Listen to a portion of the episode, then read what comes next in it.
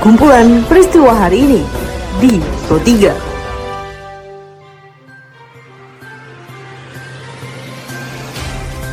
Halo pendengar, selamat berjumpa kembali di podcast Pro 3 RRI dengan kumpulan peristiwa yang terjadi pada hari ini. Seperti biasa, pendengar pada podcast ini saya akan mengulas isu-isu aktual yang masih hangat juga ramai diperbincangkan di sekitar kita.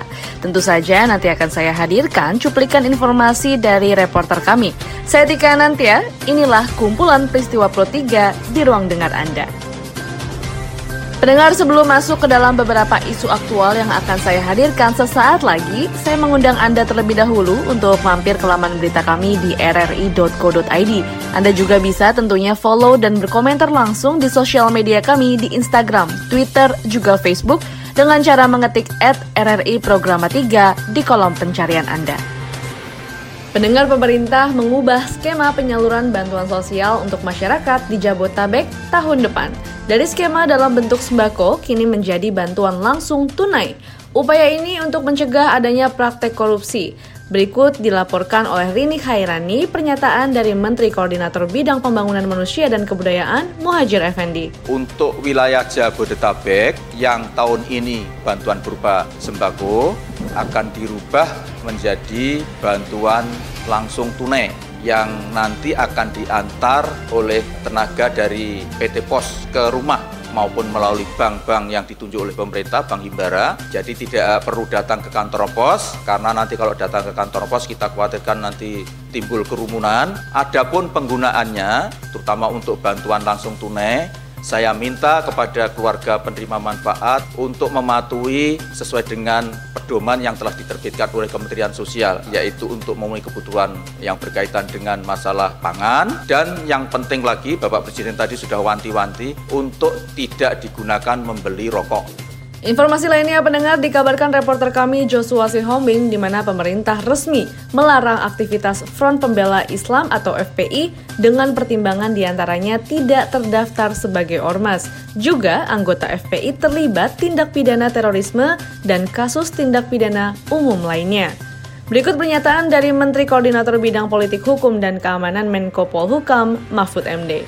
Aktivitas FPI dan akan menghentikan setiap kegiatan yang dilakukan FPI karena FPI tidak lagi mempunyai legal standing baik sebagai ormas maupun sebagai organisasi biasa. Jadi dengan adanya larangan ini tidak punya legal standing ya kepada aparat-aparat pemerintah pusat dan daerah kalau ada sebuah organisasi mengatasnamakan FPI itu dianggap tidak ada dan harus ditolak karena legal standingnya tidak ada. Pendengar mutasi virus corona ini tidak mempengaruhi efektivitas vaksin COVID-19 yang tengah dikembangkan. Namun, masyarakat tetap harus patuh dengan protokol kesehatan sebagai upaya pencegahan penularan COVID-19. Dilaporkan reporter Safira Amalia, berikut pernyataan dari vaksionolog sekaligus juga dokter spesialis penyakit dalam, Dr. Dirga Satirampe. Nah, terkait dengan vaksin, alhamdulillah sampai saat ini mutasi-mutasi yang ada itu tidak berdampak terhadap efektivitas vaksin. Nah, tapi kita tidak tahu nih satu tahun lagi, dua tahun lagi bagaimana dampak mutasi ini gitu. Oleh karena saya, saya tekankan bahwa kita harus dengan konsisten menerapkan protokol pencegahan supaya penyebaran COVID ini bisa kita uh, tekan. Komisi Pemberantasan Korupsi KPK telah menyelamatkan potensi kerugian keuangan negara senilai 592,4 triliun rupiah sepanjang tahun 2020. Dilaporkan reporter Khairul Umam, berikut penjelasan dari Ketua KPK Firly Bahuri. Melakukan, menertibkan manajemen aset negara, baik aset daerah di daerah-daerah.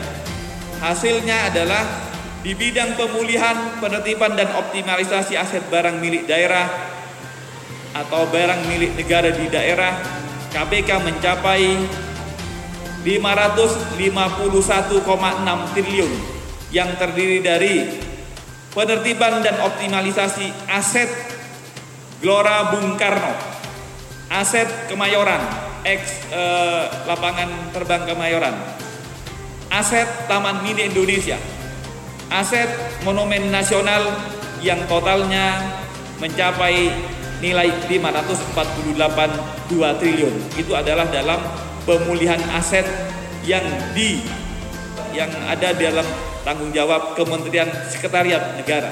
Pendengar informasi tadi mengakhiri perjumpaan kita pada podcast edisi hari ini. Dengarkan terus podcast edisi hari ini dan juga hari lainnya di Spotify dengan hanya mengetik Pro 3 RRI di kolom pencarian Spotify Anda. Baiklah pendengar, tetaplah menjaga jarak, ikuti protokol kesehatan dengan baik, dan teruslah mengikuti berita terupdate di Pro 3 RRI. Saya Tika Nantia, beserta dengan tim editor podcast kami Karisma Rizky undur diri. Sampai jumpa. Jalanan ibu kota DKI Jakarta masih Kumpulan peristiwa hari ini di Pro 3.